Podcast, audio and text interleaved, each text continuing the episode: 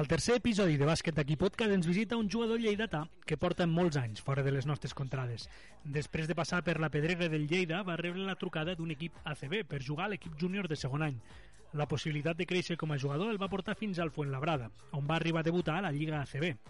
Després de combinar temporades entre l'equip vinculat i el filial del club madrileny, entre l'Alep Plata i la Lliga EVA, el nostre convidat va fer les maletes i va marxar a un dels darrers projectes més importants del bàsquet català, el bàsquet Girona on va disputar dues temporades. Aquest últim any ha estat rival de l'Ilerdau Tunissan Pardinyes a l'Alep Plata vestint la samarreta d'un equip com el Villarroledo, del qual s'esperaven millors resultats. Avui parlarem de la formació dels jugadors, de l'experiència de marxar de casa per poder jugar a bàsquet i de les decisions que ha de prendre un jove jugador per dedicar-se a allò que més li agrada. De tot això i alguna cosa més, xerrarem a l'episodi 3 de Bàsquet aquí amb David Cuellar.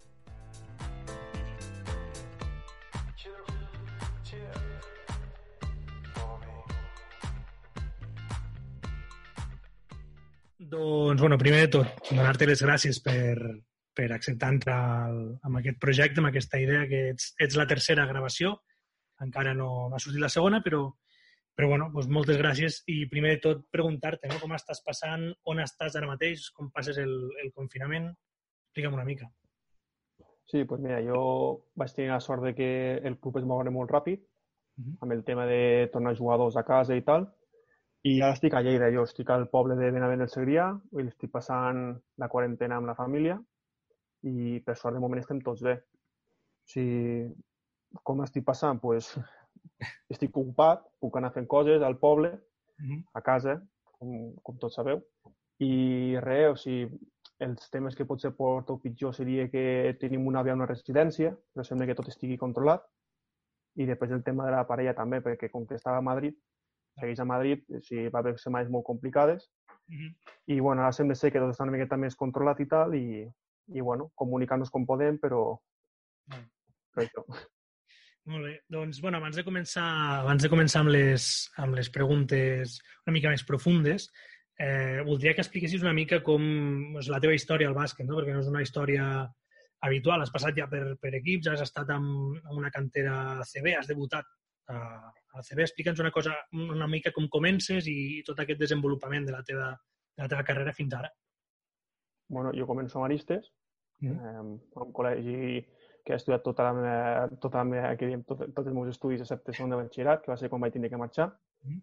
I jo començo pues, per una unió del, del futbol amb el bàsquet típica que fan els col·legis. Jo començo jugant a futbol i a bàsquet mm. i hi ha un moment que tinc que decidir i on me decanto pel bàsquet i és allà on comença potser a entrenar més seriosament. O sigui, me'n recordo que jo al tindre la sort d'estar en un poble pues, vaig demanar permís als veïns, van poder ficar una canasta i allí pues, va ser una miqueta tots els inicis, saps? I, i res, després, poc, poc, poc a poc, vaig anar fent maristes, fins a, si no m'equivoco malament, a infantil ja me'n vaig anar al Força Lleida. Mm -hmm. I res, allí la veritat que va, va ser pues, això, va ser potser va ser, el meu, va ser un creixement molt bo, perquè van, jo vaig notar com el club dedicava molts esforços a mi mm. i també va ser com el, el meu primer pas al món professional, perquè recordo que sent júnior ja vaig tindre contacte tant amb el deport com amb l'EVA de Pardinyes, que va ser la seva primera temporada, mm. si no recordo malament, i res, va ser com una miqueta ja la, la presa de contacte amb el amb l'esport professional, mm. on després ja em truca el Labrada i, i bueno, ahir vaig anar a fer unes proves perquè, perquè vam decidir així, un estiu anar fent proves i tal, i, i res. I vaig començar amb el júnior. És, és, per exemple, el bo que la bona experiència que tinc de Labrada és que en cap moment te garantitzaven res, en el sentit de que tu jugaries a la categoria que et tocava, en aquest cas me tocava el júnior de segon any, mm. i no et dient com que tu fitxes de fora i tal, jugaràs ja directament al, al filial, sinó que si tu rendeixes, tu mm. jugues al filial. Si tu quan juguis al filial rendeixes, doncs tindràs l'oportunitat del primer equip. És una miqueta com, com dir que a part de que et valoren l'esforç, pues que tu tinguis que treballar per aconseguir-ho, que ja ho tens fet. O sigui, jo valorat cada entrenament amb el Plata, quan va ser el primer any que, que estava en júnior. I això, l'any aquell de, de júnior vaig... Bàsicament també vaig decidir perquè vaig veure una oportunitat de, de ja començar a viure una experiència que, hosti, eh, se'm plantejava un, un campionat d'Espanya, un possible campionat d'Espanya, que mm. sempre te motiva més. Mm. Després el, el món professional i ja l'objectiu aquest de que tens de, de pues, intentar intentar estar a CB, sigui entrenant, ja sigui fent qualsevol cosa. Llavors això de l'època de Fonagrada pues, va ser com ja el, el, pas, el pas que diguem de, del, de l'hàbit que ja vol ser jugador, o sigui que decideix ja de que diguem vull ser professional, vull intentar-ho, mm. i llavors ja perquè dic que dono el pas perquè al final renuncies a moltes coses. O sigui, jo al final en segon de batxillerat allí enmig renuncio, no, no renuncio, però si deixo, deixo com lluny la família, després és un moment difícil pel tema dels estudis, i mm. bueno, i això, i el que dius, eh, vaig debutar a CB, que va ser un moment, pues, personalment va ser molt, bueno, no, no m'ho esperava, però va ser, personalment va ser molt, molt bo, sí, mm -hmm. ho valoro molt, però jo possiblement valoro més el, el fet de poder estar cada dia entrenant amb ells. O sigui, jo al final és potser, com diguem, la guinda del pastel, mm -hmm. allí a, a arribar a debutar per tema de, pues, de tot, de reconeixement i tal, però al final el que jugo és molt poc comparat amb el que potser de cada nivell d'entrenament em podia donar a mi com a tema de bàsquet. Mm. Llavors, és el que em quedo d'aquella etapa i després ja vaig anar a parar dos anys a Girona, mm. que va ser també... Perquè tu, quan estàs al, al Fontlabrada, mentre estàs mm. jugant també al... quan passes la teva etapa de júnior, Eh, mm.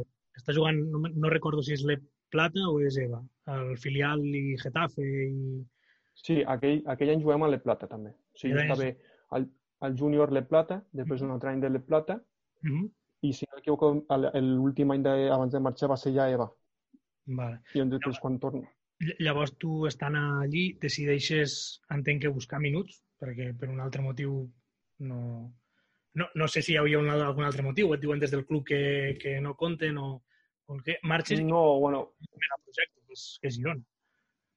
Sí, a veure, va ser, va ser una decisió, pues, pues, bueno, pues va, va acabar aquella etapa, no sabíem, estàvem expectants a veure què va saber que no, i va sortir l'opció de, de Girona, que al final el que dius tu, o sigui, a mi amb 20 anys no m'interessa anar-me'n a, a un equip que, que, bueno, que posici una categoria superior, una categoria igual o, o d'això, si al final o no és un projecte o veus que no treballen amb, amb mi, ah. saps? En plan, com a jugador. A mi me refereixo amb, amb el sentit de cada jugador individual, saps? Uh -huh. Llavors, Girona és un projecte que, bueno, pel tema del, del cost tècnic, que, de tota la infraestructura i tot, va ser molt professional. Llavors, jo treba, treballava, vaig veure que van treballar molt, molt que treballaven molt individualment i tal, uh -huh. i llavors va ser això, va ser el primer any d'EVA i després ja la continuïtat de l'E Plata. Uh -huh.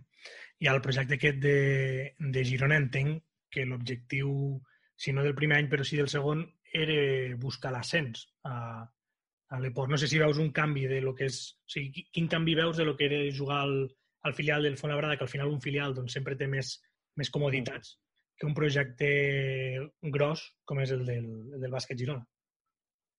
A diferències...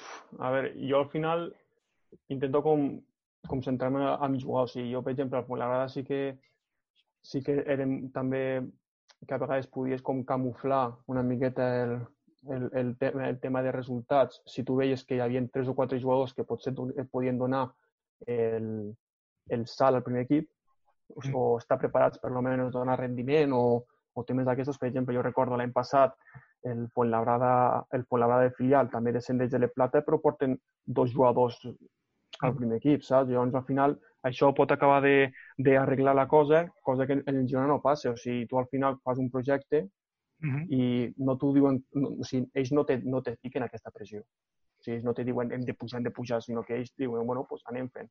Sí que és veritat que a vegades veus coses que dius, hosti, a aquests els interessa pujar, perquè quan fitxes al Jordi Trias no és per, saps què me refereixo? En plan, el fitxes per, per aspirar, o sigui, però sense cap pressió. O sigui, jo veig un projecte que, que jo crec que van pas a pas o sigui, mm -hmm. tampoc, o sigui, no volen, no, perquè el fàcil hagués set pues, ficar-se directament a l'EPO. Mm -hmm. I en canvi surten a EVA, intenten, veuen l'oportunitat de sortir a la plata, pues l'aprofiten i a partir d'aquí construir, si no seria fàcil. O sigui, jo crec que això també això també s'ha de valorar en, en, en aquest sentit d'anar fent els processos necessaris per arribar a dalt. Mm -hmm. I després ja l'última etapa del bàsquet ha sigut aquest any a Villarroledo. Sí, eh, et volia preguntar, ja és... abans que m'expliquis el Villarroledo, perquè, clar, hi ha una mm. pregunta que, òbviament, doncs en un podcast on se parla bàsquet lleidatà, temporada 18-19, acabes a, de Girona, busques equip, suposo, o te truquen d'un equip, eh, considera una temporada de l'ascens a la plata del, del Pardilles. Mm. mm. No sé si no hi ha al teu cap la idea de tornar un any a Lleida, la comoditat de jugar en un club que ja coneixes gent, no sé si no et ronda per cap el, la possibilitat. Sí, a, a veure, jo, jo el tema dels del, partits d'ascens del Pratanyes el vaig estar seguint. Uh -huh. El partit, si no recordo, que va ser Gran Canària, Pontferrada, allí, i no recordo l'altre equip. Eh, Gran Canària, sí que vaig... Gran Canària, Chantada, eh, i l'altre no recordo. Sí. Ah, Pontferrada és l'altre grup, no? Pot ser? Sí, sí i Xantada era. Sí, que... aquest any està Sí, perquè Xantada també està un, un excompany de Girona i llavors ho vaig, ho vaig englobar tot i... Mm. pues, sí, sí, sí, que, sí que al final sí que t'ho passa al cap perquè al final, és, al final jugar a cantó de la família és, és algo especial, és, mm. és, és, és bonic, saps? I al final tornar després de tants anys pues sí que m'hagués agradat.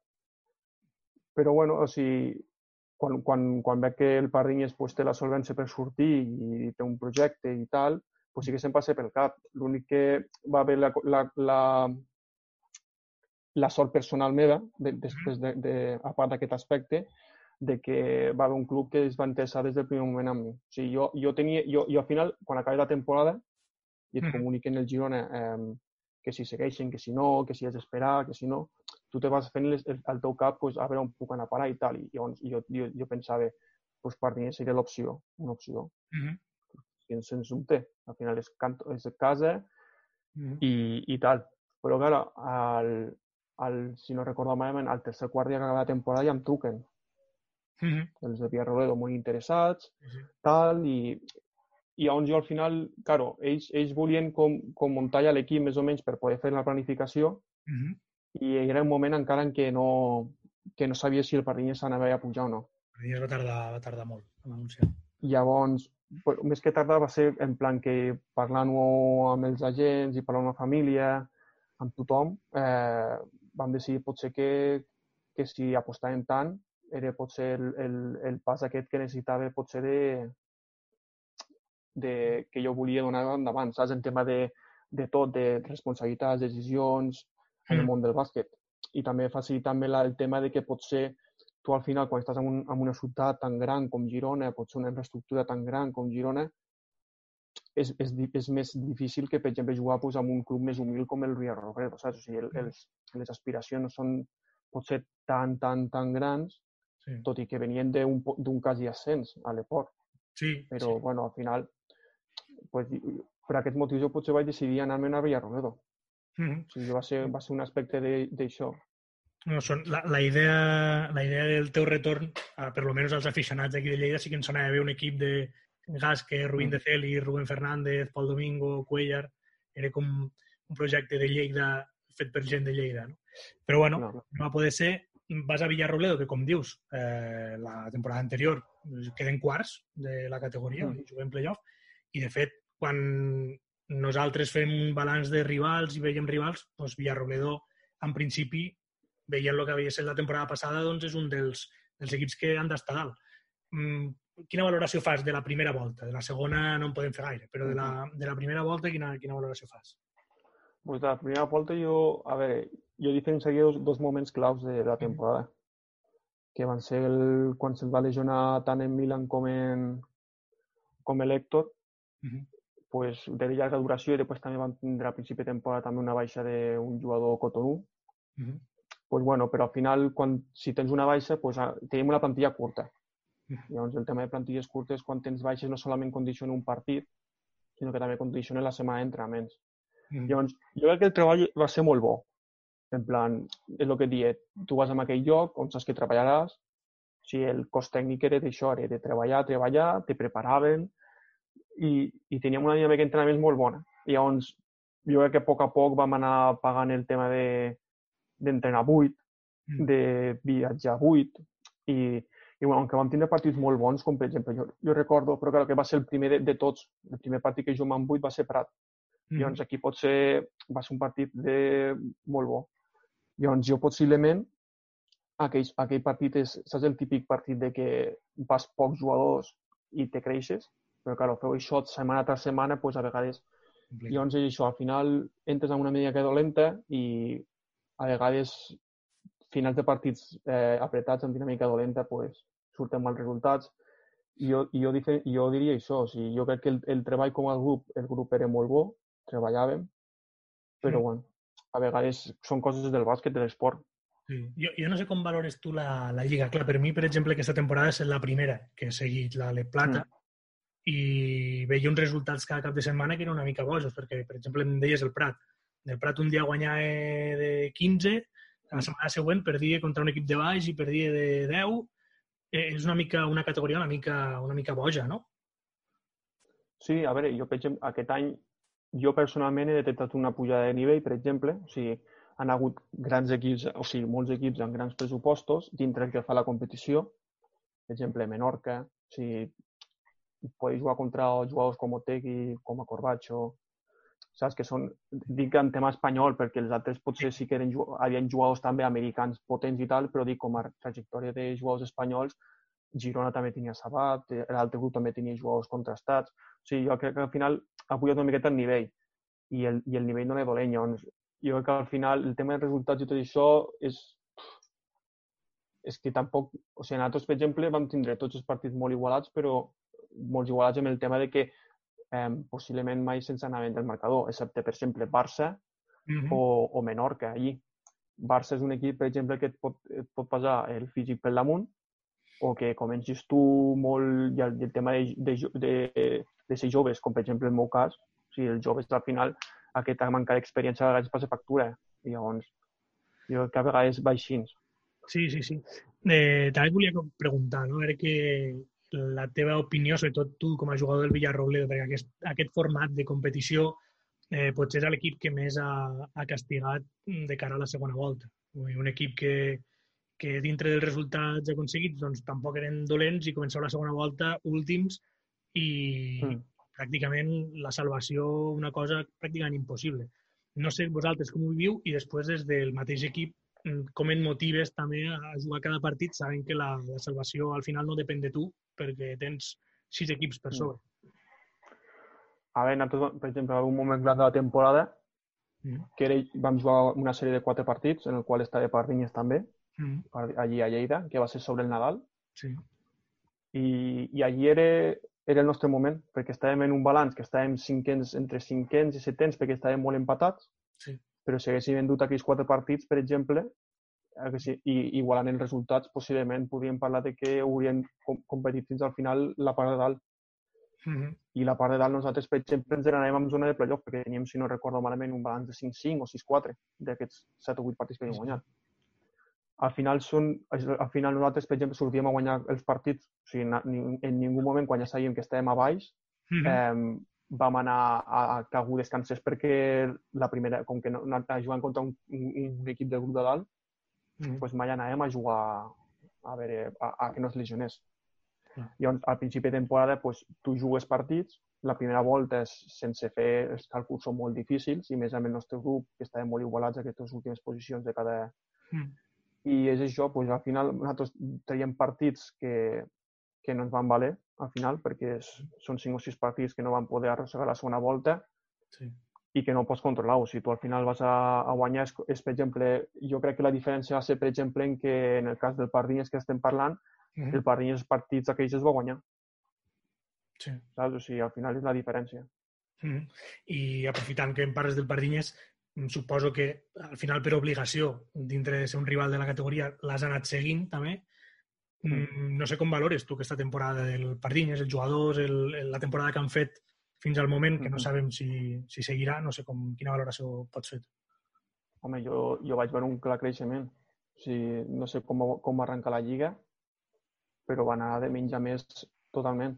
Mm. Jo crec que al final és, és, és, és un tema de, de, de molts factors que jo, jo no t'ho podia explicar perquè jo, jo tampoc els conec, però a mi, per exemple, jo tenia molts companys allí. O sigui, a mi, a mi dintre del que hi ha, si jo, si, si jo tenia una prioritat era via Robledo i després eh, al final per, a, per, sí. per proximitat i tal, pues, al final vas amb, amb l'equip de la ciutat i, mm. i, i veure que l'equip de la ciutat pues, pot representar amb jugadors de, de, de la ciutat i després completar l'equip, perquè al final és el que s'entén. O sigui, potser Lleida no dona tanta capacitat de jugadors per, per afrontar una de plata, pues, jugadors també nacionals. I després mm -hmm. la pizzella d'americans, que jo crec que, que, que ha hagut dos americans que ho han fet bastant bé. Mm -hmm. sí. Però jo crec que això, jo crec que que al final per, per una, que diem una, una presa de contacte amb la competició ha estat molt positiva i jo crec que lamentablement en el vostre cas pues, pues s'ha cancel·lat en aquest sentit de cancel·lar fins al moment, o sigui, encara no sabem el que mm. passarà, sí. però, però perquè al final, aunque després en el futur pot passar qualsevol cosa, però jo crec que jo he pogut jugar, per exemple, amb, el, amb un any amb el Plata una fase d'ascens, un, un playoff mm. d'ascens de, de l'E Plata i sí. va, va, va venir a la, primera, a la primera ronda, però és una altra cosa, saps? És una experiència que al final és bonica de viure. Sobre, bueno, això que em deies, no? encara no s'ha cancel·lat, eh, tothom està parlant una mica en quina seria la seva opció, que és eh, per lo que ell apostaria. La propera entrevista que surt demà és amb l'afició del, del Club Bàsquet Pardinyes i ella em comenta no? que, clar, ara és molt complicat, cinc setmanes d'aturada, tornar a començar la competició. No sé tu, com a jugador, mm, com, com ho veus, això? Quina, quina seria per tu la millor opció de cada temporada? La millor opció... A veure, jo estic amb la, amb la fisio, o sigui, serà difícil segur, perquè jo, per exemple, jo, jo crec que sóc un afortunat en aquest aspecte en, en poder tindre una sala per poder seguir fent coses, cosetes i tal, anar treballant una mica, tinc una pilota també que puc fer coses, però, claro, tema d'impactes, tot això no, no puc fer res perquè mm. corre no corro, eh, desplaçaments defensius tampoc. Eh, pel jugador que sigui el millor, és que, claro, jo vaig llegint propostes i hi ha propostes que em semblen inviables per part del jugador i per part de l'equip. O sigui, això de jugar a l'estiu a mi em sembla inviable, pel simple fet de que tu què fas? Fas un mes i mig amb un equip i després te'n vas amb un altre, i després l'equip que, que, que fa una planificació per un mes i mig claro, aquí hi ha pisos, aquí hi ha, hi ha un munt de coses, o sigui, mm. jo crec que al final, i després el, el tema dels jugadors, eh, jo crec que si, si ara mateix ens fiquem, ens fiquem a jugar, jo crec que el, el percentatge de lesions no augmentaria. I el cas exemple és, per exemple, la NBA. La NBA, com va tindre el lockout i van, suprim, van comprimir una miqueta més els partits, va haver mm. lesions. Llavors, bueno, o sigui, jo també entenc que, que hi hagin interessos en plan de seguir jugant, sigui, que al final cadascú tira pel, pel seu cantó en aquest aspecte, en plan... Sí. Ah, jo m'imagino que els interessos del, del Múrcia, per exemple, que és el que va anar primer per, per l'ascens, pues seria o jugar o com hem comunicat ja, o jugar o que els doni l'ascens. O sigui, jo, jo ho entenc, al final ells defensen el que tenen, però també entenc que no s'hagi pogut arribar a una solució però que tindrà conseqüències. O sigui, jo, jo en el meu aspecte, jo, jo per exemple, estic vivint una situació en plan de que tu vas, tu vas veient el que va passant i veus, i veus que l'Alt Plata, per exemple, o la EVA, hi ha molts equips, molts, molts equips humils, que possiblement cada setmana que uns tarden en prendre una decisió és determinant. Ah. Llavors, no ho sé, o sigui, jo, jo espero que se decideixi el més aviat possible mm -hmm. i, que no, i que en aquest aspecte no es miri pels interessos de pels interessos que diguen d'econòmics si n'hi ha jo crec que s'ha de tirar per, per mirar pels interessos del jugador i, del, i dels clubs. doncs sí, jo personalment sí que l'he dit la meva opinió en, en algun altre podcast i és, crec que la competició s'hauria d'acabar com està i sense ascensos ni descensos i la temporada que ve doncs tornar a començar mm. tal com està. Tampoc passaria res.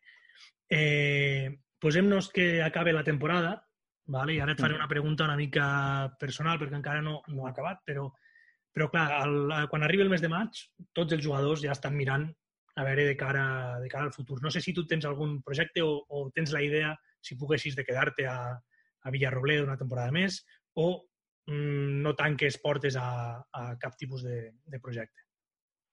Jo sempre miro l'estiu amb, amb l'última opció. O sigui, jo mai tanco portes a ningú, uh -huh. amb el sentit de que no saps el que passarà. O sigui, jo, per exemple, la, la temporada passada surto de, de Girona, jo personalment no molt satisfet amb l'aspecte de que possiblement podria haver fet més, que diem el tema de pues, el tema d'anotació, el tema de decisions, el tema de, mm.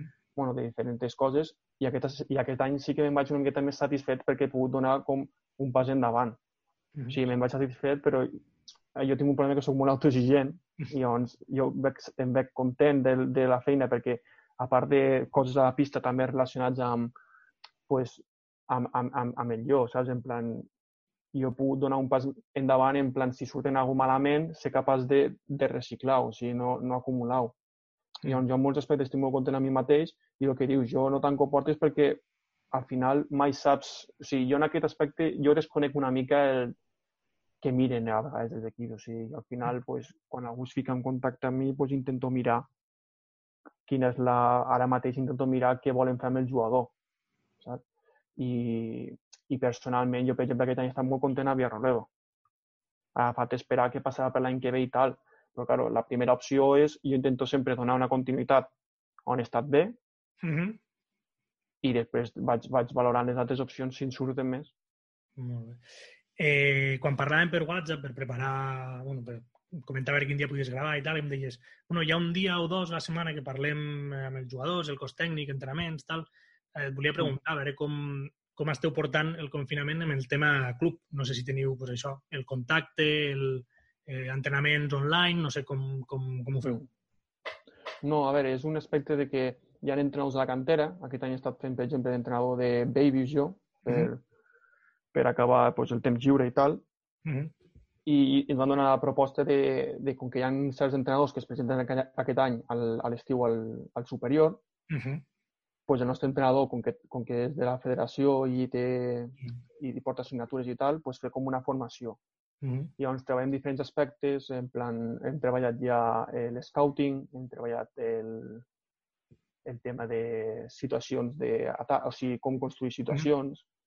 I, i bueno, jo, jo, jo em vaig connectar allí, porto les sis sessions, Mm -hmm. perquè al final també crec que és, és bueno, puc aprendre d'això, saps? O sigui, Mhm.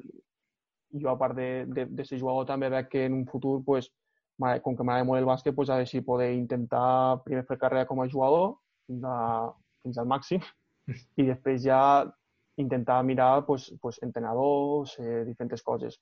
Llavors, tot el que puguen agafant, com, com ho munten i després també per un tema de que eh, al final molts pocs jugadors, jo crec, o, bueno, o, o, o els suficients jugadors, jo no conec els jugadors, però per exemple jo valoro, però ara valoro més encara el treball que fan els entrenadors.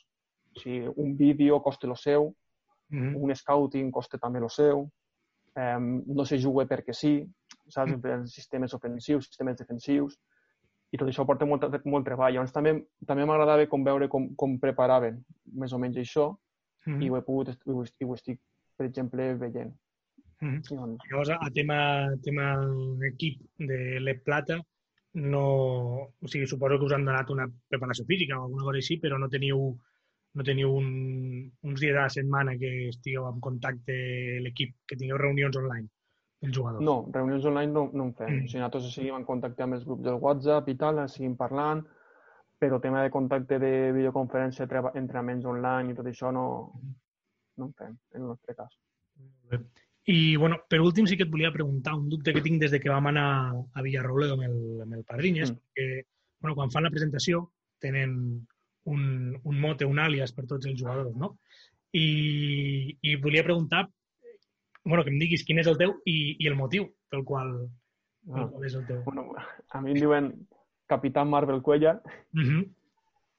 perquè, perquè bueno, al final eh, soc molt fanàtic de les pel·lis de Marvel Uh -huh. eh, i bueno, un dia el, el speaker pues, es, ens va preguntar què, què, què ens podien dir Uh -huh. i, i bueno, vaig, no vaig decidir jo sol, sinó que, per exemple, jo, jo pues, volia algo relacionat amb el Thor, per exemple, Mhm. i bueno, pues, parlant-ho, vaig estar parlant, si no recordo malament, amb, amb la Pàtria, amb la meva parella, Uh -huh. i, i rei, jo crec que a ella li feia gràcia que, que hi hagués algo també relacionat amb Marvel, perquè era o Marvel o algo de, jo què sé, algo de, de Jurassic o coses així. O sigui, amb aquest tema sóc bastant, bastant friki. I, i li van donar les opcions a l'speaker i el primer dia va, va treure Capitán Marvel i, -huh. i jo crec que va quedar bastant bé. O sigui, en aquest sentit, Hem vist dibuixos i tot a les xarxes dels Sí, sí, petits, a- perquè tinc camisetes i porto alguna sudadera i tal, Mm. i els nens, pues, bueno, pues, pues se queden amb tot. Què, què tal és, és l'ambient? Clar, jo, jo l'he viscut en un partit, el primer, de fet, el primer desplaçament que vam fer amb el, amb el Pardinyes, però què tal l'ambient a Villarroble? Suposo que es nota també ser el- l'equip d'un- d'una localitat petita i tot i que a la província hi ha un munt d'equips, que és una altra cosa que jo no acabo Sí, sí. d'entendre, tens el Bacete, la Roda, tal. Mm. Com, com és aquest, aquest ambient? Quina connexió hi ha amb l'afició també i, i això? Pues és tot més, és més proper, més, Mhm. hi ha més proximitat. Per exemple, tu possiblement a, al, al, pavelló de Pardí, al pavelló Barris Nord, on jugo a Pardí, ja havia més gent, mm. però al ser, pues, és com més, és més la sensació de bombonera. Sí. O sigui, al final també hi ha molta gent que, que bueno, al final jo crec que és diferent, perquè hi ha molta gent que allí va com, com a disfrutar del bàsquet. O sigui, mm. jo molt poc, molt poc, o sigui, puc parlar de que si una persona que simplement va veure el bàsquet veu que tenim una dinàmica dolenta, mm jo recordo haver perdut un partit de poc i la, i la gent aplaudint-nos tots mm -hmm. i tirant el, el CBV i tal. O sigui, jo crec que el, és, és, és un aspecte de que valoren on esteu, valoren el que estem fent i que simpli, simplement de, volen que tu donis el màxim. Mm. És tot més proper perquè hi havia molts, molts pares de nens que venien a veure'ns llavors després tu podies compartir tant els, els entrenaments com, mm. com, com fora del pavelló, podies compartir opinions, puguis parlar amb ells i tal. Mm. I això és un ambient més familiar, més proper i, i bastant bé, la veritat. Molt bé, doncs moltes gràcies, arribem fins aquí i no res, estarem en contacte, ja t'avisaré quan, quan surti això a, a les xarxes i molt agraït per haver volgut participar. Pues res, Ramon, un plaer. Un plaer poder t'ajudar. Molt bé. Adéu. Una abraçada. Adéu.